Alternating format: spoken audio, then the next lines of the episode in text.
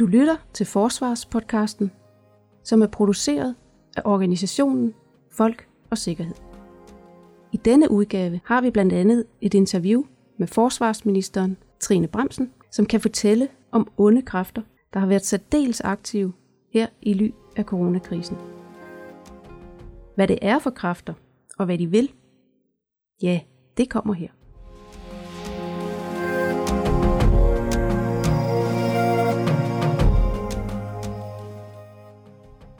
Synes du, at coronavirusen har været slem nok i sig selv?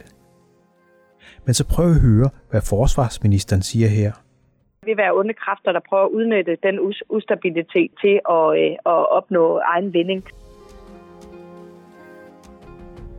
Inden vi lige vender tilbage til forsvarsministeren, her et andet lydklip fra en pressekonference forleden med chefpolitiinspektøren Jørgen Bærenskov fra Københavns politi efter en stor antiterroraktion, hvor en person blev anholdt. En person kan mistænkes for at have til hensigt at begå terror.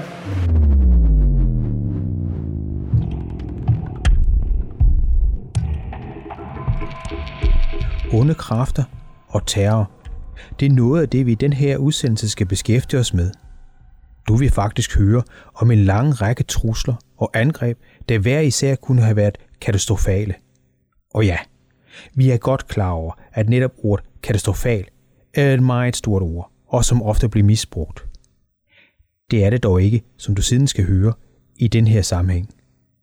Vi retter også vores journalistiske søgelys mere bredt ind på forsvaret. Det er trods alt en af Danmarks største arbejdspladser med næsten 20.000 ansatte, som løser opgaver fra det kolde nord i Arktis til lande under varme himmelstrøg. Med andre ord, en noget anderledes arbejdsplads end de fleste andre. Du vil i den her udgave af Forsvarspodcasten høre om en bred vifte af forskellige opgaver, der blev og bliver løst. Fra at håndtere cybersikkerhedstrusler, tilpasse internationale operationer, til også at løse en lang række helt nye opgaver. Vi har talt med forsvarsministeren om, hvordan de blev løst. Inden vi går videre, så får du, kære lytter, den helt korte vision af minister Trine Bremsens tilbageblik af forløbet. Står tilbage som noget, der er helt fantastisk. Det lyder jo godt. Tydeligvis en tilfreds minister. Men ikke kun tilfreds. Faktisk også taknemmelig. Så vil jeg i hvert fald gerne rette en kæmpe, kæmpe stor tak Også det lyder jo vældig positivt. Vi vil i løbet af udsendelsen også bore lidt i, hvad forsvaret har lært under krisen. Om det har medført forandringer af nogen art. Først begynder vi dog et helt andet sted, nemlig ved forsvarsministeren selv. Hvordan har Trine Bremsen selv oplevet krisen? Jeg tror ikke, at jeg øh, har oplevet det her meget anderledes, end alle andre har i hver, især i, i, i deres liv, og hvor man nu er øh, henne i, øh, i verden, i, i den tilværelse, man normalt lever. Men det har jo været en kæmpe, kæmpe omvæltning øh, for, for os alle sammen, og det har det også for mig, hvor øh, jeg har måttet ændre øh, fokus øh, på nogle opgaver, som jeg sad og skulle håndtere og skulle ud med at kommunikere på, nogle, en masse besøg, jeg skulle ud på. Og så var øh, opgaven pludselig en helt anden. Øh, og de opgaver, som, som forsvaret skulle løse, var nogle, øh, i hvert, hvis ikke nogle helt andre, så i hvert fald nogle andre med restriktioner. Og jeg har også skulle finde nødløsninger på rigtig, rigtig mange ting, øh, og tænke fremad i en, i en fremtid, som vi jo ikke øh, kendte og stadigvæk ikke øh, kender, fordi den kan den kan ændre sig med, med, med kort varsel. Så det her med en, øh, den her følelse af, at, at, øh, at den planlagte dagligdag, den planlagte forår, den planlagte sommer blev kastet op i, i luften og skulle, skulle lande på en ny måde igen. Det er også sådan, jeg har oplevet det. Og jeg har så oplevet det med, med ansvar for forsvaret, øh, men, men jeg tror, at rigtig mange sidder rundt omkring i landet og har, har, har oplevet det på samme måde øh, med det, de nu i hver, hver især sidder med, øh, enten arbejdsmæssigt eller privat. Øhm, og forsvaret er så bare en lidt større organisation og med en, en, en meget, meget vigtig øh, opgave for vores samfund. Øh, fordi det, jeg jo også godt vidste fra start af, det er, at når der kommer sådan nogle kriser, jamen så bliver vores samfund mere ustabilt, øh, og der vil være onde kræfter, der prøver at udnytte den us- ustabilitet til at, øh, at opnå egen vinding. Så derfor er det her med at være, rulle vores beredskab ud, øh, styrke vores indsats rigtig mange steder, øh, for at undgå, at, at krisen blev øh, forværret, øh, det, har, det har været det, jeg har, har skulle løse og håndtere, og stadigvæk øh, håndtere, og kommer til at gøre langt ind i fremtiden. Så forsvarsministeren Trine Bremsen fik, som så mange andre i øvrigt, pludselig helt andre opgaver at se til under krisen. Men hun nævner også, at netop coronakrisen har været forsøgt udnyttet af, citat, onde kræfter. Det vil vi godt vide lidt mere om. Hvad er det for kræfter? Til det svarer ministeren. Jamen, når jeg siger onde kræfter, så er det øh, sådan en fælles betegnelse for alle, der måtte øh, ja, have onde hensigter, altså ønske at skade øh, Danmark øh, eller EU eller NATO-samarbejdet eller andet, som vi fra dansk side er en, er en del af. Og det er jo kan være alt fra forsøg på øh, at lægge vores øh, digitale infrastruktur ned. Man kan jo selv forestille sig, hvor, hvor katastrofalt det ville have været, hvis vores øh, digitale infrastruktur blev lagt ned, vi ikke kunne ringe eller gå på nettet, eller øh, bliver det øh, i den kommende tid. Øh, angreb på virksomheder, der har fået øh, låst oplysninger, falske mails i omløb, der har prøvet at bilde øh, borgerne ind, at de skulle udlevere deres øh, nem idé-oplysninger for at få adgang til, til vigtig, øh, vigtig information. Øh, og det har også været øh, påvirkningskampagner, altså forsøg på at, at, at, at påvirke debatten. Så sådan en helt bred, øh, bred palette af sådan, man kan sige, de, øh, det, det forsvar, der øh, foregår i, i cyberspace.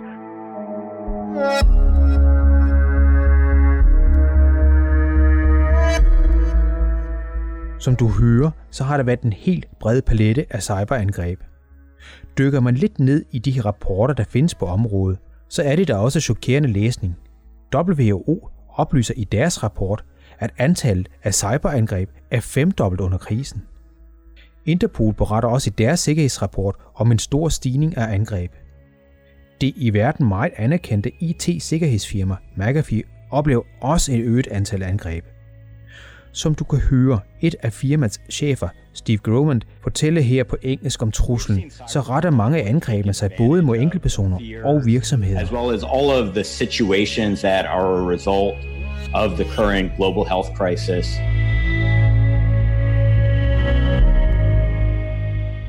Herhjemme er chef for Center for Cybersikkerhed, Thomas Lund Sørensen, enig. Han oplyste forleden blandt andet det her, og det er et citat. Mange IT-afdelinger er under stærkt pres med hjemsendte kollegaer og brugere. Det kan være svært at opretholde det sædvanlige IT-sikkerhedsniveau med opdatering, to-faktor VPN. Men regn ikke med, at hackerne viser samfundssind. Tværtimod udgør coronakrisen en særlig gunstig mulighed for cyberkriminelle til at angribe danske netværk. Vær derfor meget forsigtig med at svække sikkerhedsforanstaltninger, og er det nødvendigt, så gør det alene efter en grundig risikovurdering om de mulige konsekvenser. Cybertruslen imod Danmark er meget høj.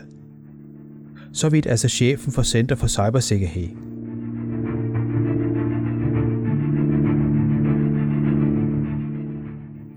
Som du tidligere i podcasten her har hørt forsvarsminister Trine Bremsen fortælle, så er der også fokus på det, det her kritisk infrastruktur.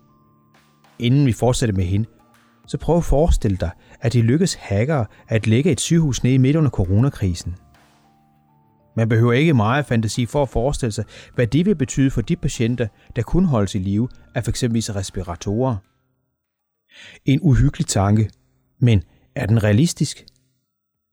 Ja, det er den, for som du kan høre i lydklippet her, som er taget fra et australsk statstv, så er det netop, hvad der skete i Australien. Deres hospitaler blev konstant udsat for angreb, og som du kan høre her, så kan det faktisk koste liv. My fear is that a significant ransomware attack will disable one of the major hospitals at a time when it's most uh, needed. It's a blunt assessment. Til cyberangrebene hører også en lang række misinformationer. Vi spørger ministeren, om hun kan fortælle lidt om dem, og hvor alvorligt de angreb er. Mm, jeg, jeg vil i hvert fald sige, at, at der har været øh, der har været forhøjet aktivitet, øh, når, det, når, det, når det handler om det, og det er jo på mange forskellige niveauer. Altså, der er jo noget, der er, der er rigtig alvorligt, og så er der øh, øh sådan noget med urte der kan kurere øh, corona, øh, som har, som har floreret, floreret øh, rundt omkring. Og, og endnu værre jo i, i Iran, øh, hvor øh, der var øh, falske øh, oplysninger om, om et præparat, der kunne kurere øh, corona, som forårsagede, at rigtig mange mennesker de døde. Øh, den slags... Øh, det, det, der, der er vi jo øh, heldigt stillet i Danmark i forhold til, at vi har høj tillid til myndighederne. Så når vi skal søge informationer, så er det der, vi går hen. Vi hopper ikke på hvad som helst, hvad vi lige læser. Øh, vi, vi stiller altid spørgsmålstegn ved, kan det nu også øh, passe, eller som regel gør vi i hvert fald. Så det vi har set det mest af i Danmark, øh, ud over sådan noget med, med, med urte og den slags, det har, det har været falske hjemmesider, og, hvor man har forsøgt at lokke borgere ind på, så de skulle udlevere deres, deres nem idé, inden at, at de kom ind på de sider. Det har været øh, falske sms'er, Øh, som, som borgeren måske har været mere disponeret øh, til at, at, at hoppe på, fordi der jo er blevet udsendt sms'er øh, fra myndighederne. Der er blevet udsendt nye typer information af, øh, fra, fra myndighederne, så derfor er den her nye situation øh, kunne også få nogle borgere til at, at, reagere og agere øh, på nettet anderledes, end, end de plejer. Så det er det, jeg kan sige noget om, øh, der har været. Og så er der selvfølgelig også en, en, en række ting, som, som jeg ikke kan sige noget om, øh, og som jo øh, er, er af større alvor. Altså det er det efterretningstjenestens arbejde, du taler om her? Ja, det er klart. Altså, den slags er der jo, øh, er der jo også, øh, men, øh, men øh, og, og der foregår en udveksling af informationer, også med, med andre lande, når det handler om sådan nogle forsøg på disinformationskampagner og den slags.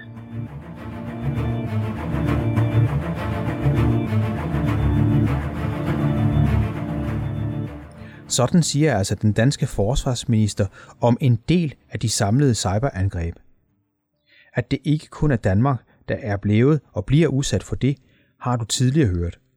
Ganske overraskende er det dog nok for de fleste, at det ikke kun er coronavirus, der stammer fra Kina, men også en del af cyberangrebene.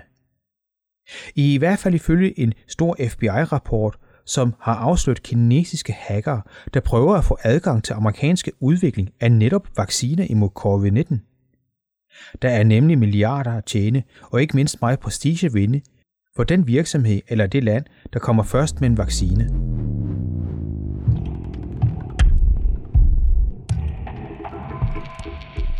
Her hvordan den nyhed lød på en amerikansk nyhedskanal CBN.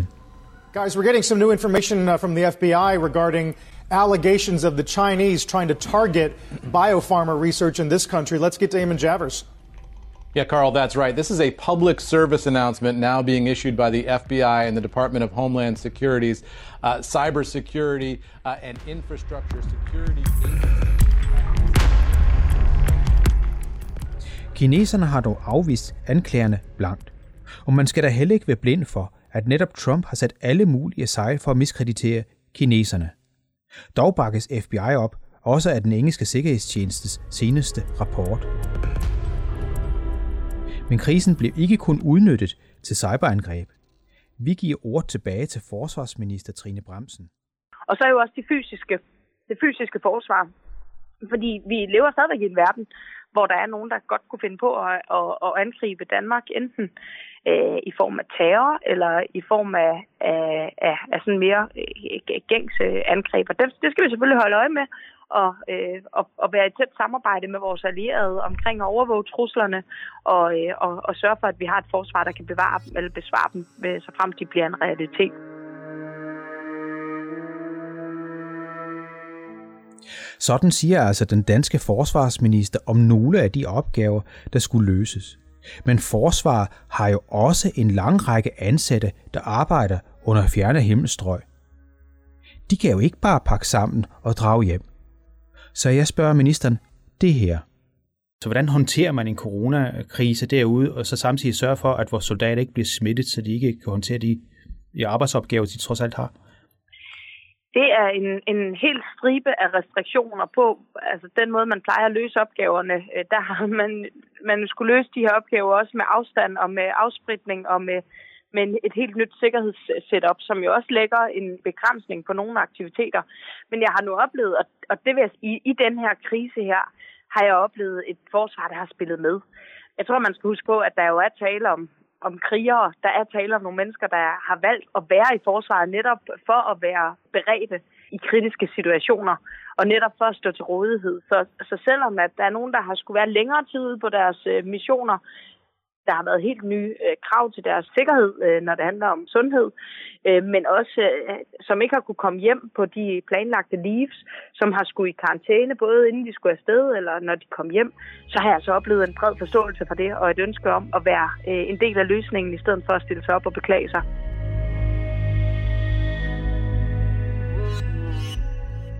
Som Trine Bremsen fortæller her, så skulle forsvarets mange ansatte ud i verden tilpasse sig en helt ny situation. Men det gælder naturligvis ikke kun de mange udsendte. For forsvaret havde og har en lang række andre, måske for mange også mere ukendte opgaver. For at kaste lys over blandt andet den del af historien, spørger vi det her. Forsvaret er jo en del af det der her beredskabet. Har forsvarets rolle og beredskabets rolle været øh, anderledes i starten af coronakrisen? Altså har den udviklet sig med andre ord? Har man, øh, har man, har man set, hvordan det kunne bruges på andre måder? En af de første opgaver, vi havde i, i forbindelse med krisen, det var at bemande et stort callcenter øh, og fik banket et øh, callcenter op øh, på, øh, på rigtig, rigtig kort øh, tid, som bekymrede borgere kunne, øh, kunne ringe til. Og på de travleste dage øh, har vi haft øh, 12-15.000 opkald om, om dagen, og der det her med at kende kommandostrukturer, øh, det her med, at oplysningerne gik jo stærkt i starten, fordi det var så, så øh, ukendt terræn. Så det her med at få nye oplysninger ind og, og få dem til at sive ned igennem øh, kommandostrukturerne, øh, der var, det var i hvert fald rigtig stærkt øh, at, at bruge forsvaret hjemmeværnet øh, til, til, til den opgave, fordi der var en forståelse af, hvordan håndterer man, man det her. Øh, og så tror jeg, samarbejdet med andre øh, myndigheder er jo kun blevet styrket. På den her måde, det har, det har jo været en, en, en ikke en, et, et fysisk angreb, men det har jo været et, et, noget, der lige så godt kunne have været et fysisk angreb, og derfor har, øh, har samspillet mellem myndighederne, jeg, synes jeg, har været rigtig, rigtig øh, formidabelt, øh, og det er der noget, jeg tror, vi kan bringe med videre. Og det har det også internt i forsvaret, øh, altså samarbejde med, mellem faggrupper, som normalt ikke arbejder sammen, men som har fået til opgave at prøve at finde løsninger. Og så er der jo alt det her, der handler med, at vi ikke, om, at vi ikke har kunnet mødes øh, fysisk. Det har jo skabt nogle helt nye kanaler i forhold til at kunne, kunne udveksle og, og koordinere, selvom at man er fjern fra hinanden. I mange andre lande, øh, for at nævne øh, sådan et par stykker, øh, det kendte land er Italien, øh, et andet, måske mindre omtalt land er Rusland, øh, Brasilien, der har beredskabet jo ikke fungeret, og det har faktisk svækket beredskabet yderligere. Så du mener, hvis jeg forstår det rigtigt, at det her har så styrket beredskabet? Ja, det mener jeg bestemt. Øh, det er øh, det, det var rigtig interessant at være i, øh, i en del af beredskabet øh, tidligere, men det at komme ud og bruge sin, sin kunde og se, at det, de planer, mange planer og øvelser, vi har lagt Øh, og, og, og gennemlevet, at de rent faktisk også virker i, i praksis. Det giver jo bare ekstra meget blod øh, på tanden, og jeg tror også, der er andre myndigheder, der er blevet meget overrasket over, hvor professionelle og dygtige, at, øh, at, at det beredskab, der ligger inde under Forsvarsministeriets område, og dermed mig som minister, øh, hvor meget øh, der er at bidrage med, hvor hurtige og kreative løsningerne er, men også hvor gode kommandostrukturer der er i forhold til at løse den her type af, af, af kriser. Og jeg har en forhåbning om, øh, at øh, vi kommer til at se øh, flere øh, unge øh, og for den sags skyld også ældre, men som gerne vil være en del af det danske beredskab oven på det her. Fordi vi jo har fået syn på sagen i forhold til, hvor meget det betyder, at vi har et beredskab. Øh, og at man som borger ikke bare læner sig tilbage, men at man tager del i øh, at være en, en del af vores stærke fællesskab og, og sikre vores samfund.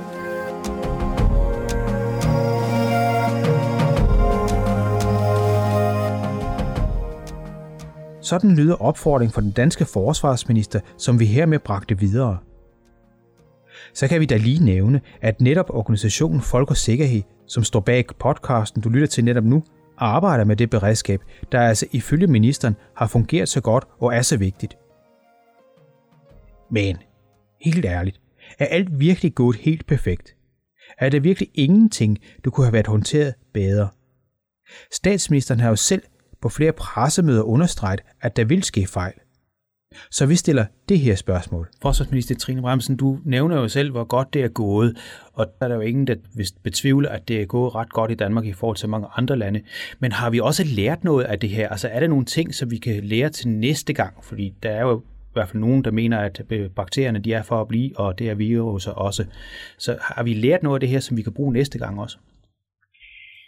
Øh, Ja, altså i, i forsvaret er der jo altid en, en, en, en tradition for, at man evaluerer, og man bliver klogere. Ikke for at pege fingre og fortælle, øh, hvad var det præcis for, for en, en soldat, der lige kunne have opført sig lidt anderledes, øh, eller gjort noget andet, trukket sit, sit våben øh, tidligere eller senere.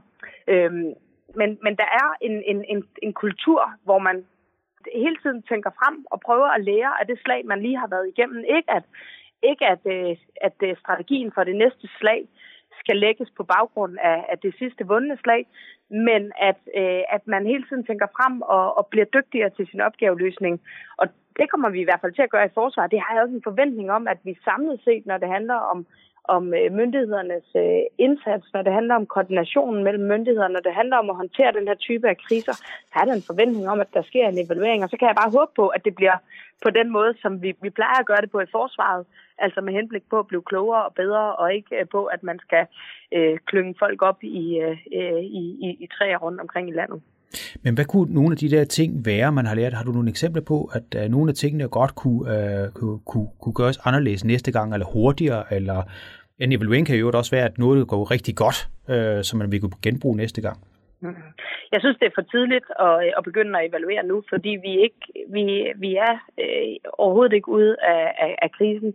Men jeg kan allerede nu, øh, og det er jo det område, jeg er minister for, forsvaret, se, at den måde, vi, vi, vi har budt os til, den måde, som opgaverne er, er blevet løst på, og den usnoppede tilgang, der har været til at træde til sådan en krise, det synes jeg, er, altså, det, det fortjener øh, i den grad at, at blive øh, fortalt, og det, øh, det, det fortjener at, at blive hyldet og anerkendt. Øh, og det er jo så min opgave at, at, at gøre det.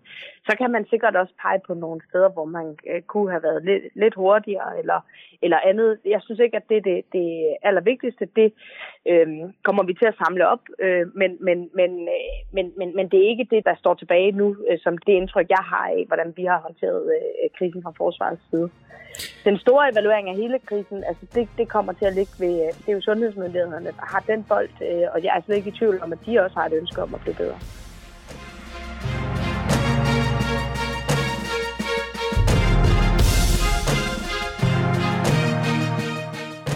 Så ifølge forsvarsministeren er det endnu for tidligt at evaluere, simpelthen fordi krisen er langt fra år.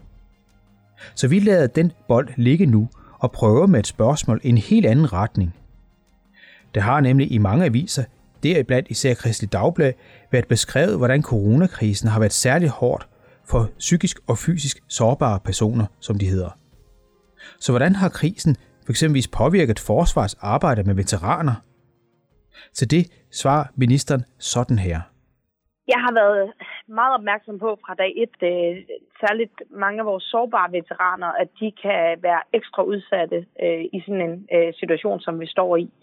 Jeg har så hørt fra nogen, at de faktisk der er blevet taget et kæmpe pres af deres, øh, deres skuldre, øh, så de har næsten fået det bedre, men der er altså også veteraner, hvor øh, noget, der måske lå og, og lurede, og som ikke var foldet ud i forhold til, øh, til nogle oplys, øh, oplevelser, der, ikke, der gav et, et aftryk, de kommer til udtryk her under øh, krisen, og også syge veteraner, der har haft rigtig svært ved at få det til at fungere, og også hårdt for familier, der øh, har måttet være ventil øh, for veteranen, fordi man har skulle gå derhjemme. Så derfor har det været vigtigt for mig fra start af at sende et brev ud til øh, alle veteraner og klart række hånden ud i forhold til, at vi, vi jo har et veterancenter, der står til rådighed. Der er linjer, man kan ringe til, hvis man får det dårligt, og det er både uanset om man er veteran eller om man er familiemedlem. Øh, der er rådgivning at hente, og i værste fald øh, også øh, mulighed for at rykke ud, hvis, det, hvis der er taler meget alvorlige øh, reaktioner. Øh, og, og det, det er jo sådan et opspunkt, øh, som jeg synes er meget vigtigt at have øh, i, øh, i en krisetid, øh, at der kan altså være nogen, der får nogle andre reaktioner. Jeg vil så også sige, at samtidig har jeg også sendt et brev til samtlige veteraner, eller opfordret alle veteraner til at, at henvende sig, hvis, hvis de øh, følte, at de havde nogle kompetencer på særligt sundhedsområdet, som de kunne sætte i spil. Og det er der rigtig, rigtig, rigtig mange, øh, der har gjort. Så lige, lige så vel som det har været vigtigt at sige, hvis du får det dårligt, hvis du har brug for hjælp, så er vi der. Lige så øh, vigtigt har det jo også været for mig at sige, hvis du har lyst til at hjælpe, så er der brug for hjælpen, og vi vil rigtig gerne tage imod alle mulige øh, former for, for kompetencer, ikke mindst på det sundhedsfaglige område, så frem til dem i spil, så frem der bliver brug for det. Så man kan sige, For at summere lidt op, så hvis jeg kan forstå det rigtigt, så har coronakrisen i virkeligheden smidt mange forskellige dele sammen. Det er faktisk min oplevelse, at, øh, at det det her samfundsengagement, det kan, det kan godt være, at det lyder som, som sådan nogle højtflyvende paroler, men samfundsengagementet, øh, forståelsen af, at, øh, at vi skal passe på vores land, vi skal passe på hinanden, den er blevet styrket, øh, og øh, jeg oplever bestemt, at, at folk har taget øh, mere hensyn til hinanden og været mere opmærksom øh, på hinanden. Øh, har man råbt op og haft sagt, at man har brug for hjælp, så øh, har der også været civile, som ikke er en del af store formelle øh, systemer, som har haft en lyst til at, øh, at, at hjælpe medmennesker.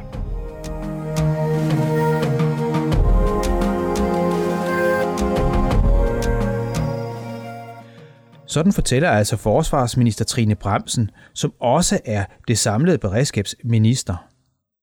Krisen har medført, at både forsvaret i sig selv og forsvaret som en del af det samlede beredskab blev styrket. Her til allersidst giver vi hende lige ordet tilbage. Fordi der er noget, hun gerne vil sige til Forsvarspodcastens mange tusind lyttere, og ikke mindst de mange tusind ansatte i forsvaret. Og hun har det her budskab, som vi slutter med. Jeg vil i hvert fald gerne rette en kæmpe, kæmpe stor tak til alle, der har bidraget for forsvaret. Det er øh, helt imponerende at opleve. Øh, og så vil jeg også sige tusind tak til øh, alle de familier og pårørende, som har støttet op. Fordi en god soldat er ikke en god soldat, hvis ikke at der er ro på hjemmefronten eller forståelse på hjemmefronten for det store, store arbejde, der bliver, bliver lagt i at, at løfte de vigtige opgaver. Så en, en oprigtig, meget oprigtig og dybfølt øh, tak til, til alle, der enten har bidraget eller stået tæt på dem, der har bidraget.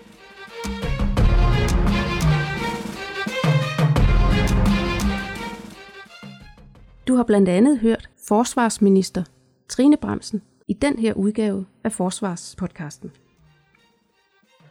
Du kan genhøre den her, eller høre andre podcasts i serien på Folk og Sikkerheds hjemmeside. Hjemmesiden har adressen folkogsikkerhed.dk skrevet ud i en kø. Her finder du også kontaktoplysninger. Har du for eksempel forslag til emner, vi skal behandle i Forsvarspodcasten, så skriv til Folk og Sikkerhed på Facebook eller på mailen kontakt snabelag folkogsikkerhed.dk Journalisten bag podcasten hedder Jan Simmen. Med i redaktionen sad Adam Sonic Meinerts for organisationen Folk og Sikkerhed. Det hele er produceret af Radio MB sammen med den elektroniske folkeoplysning. Mit navn er Karina Ludvigsen, og jeg siger tak for denne gang, og på genhør til den næste Forsvarspodcast.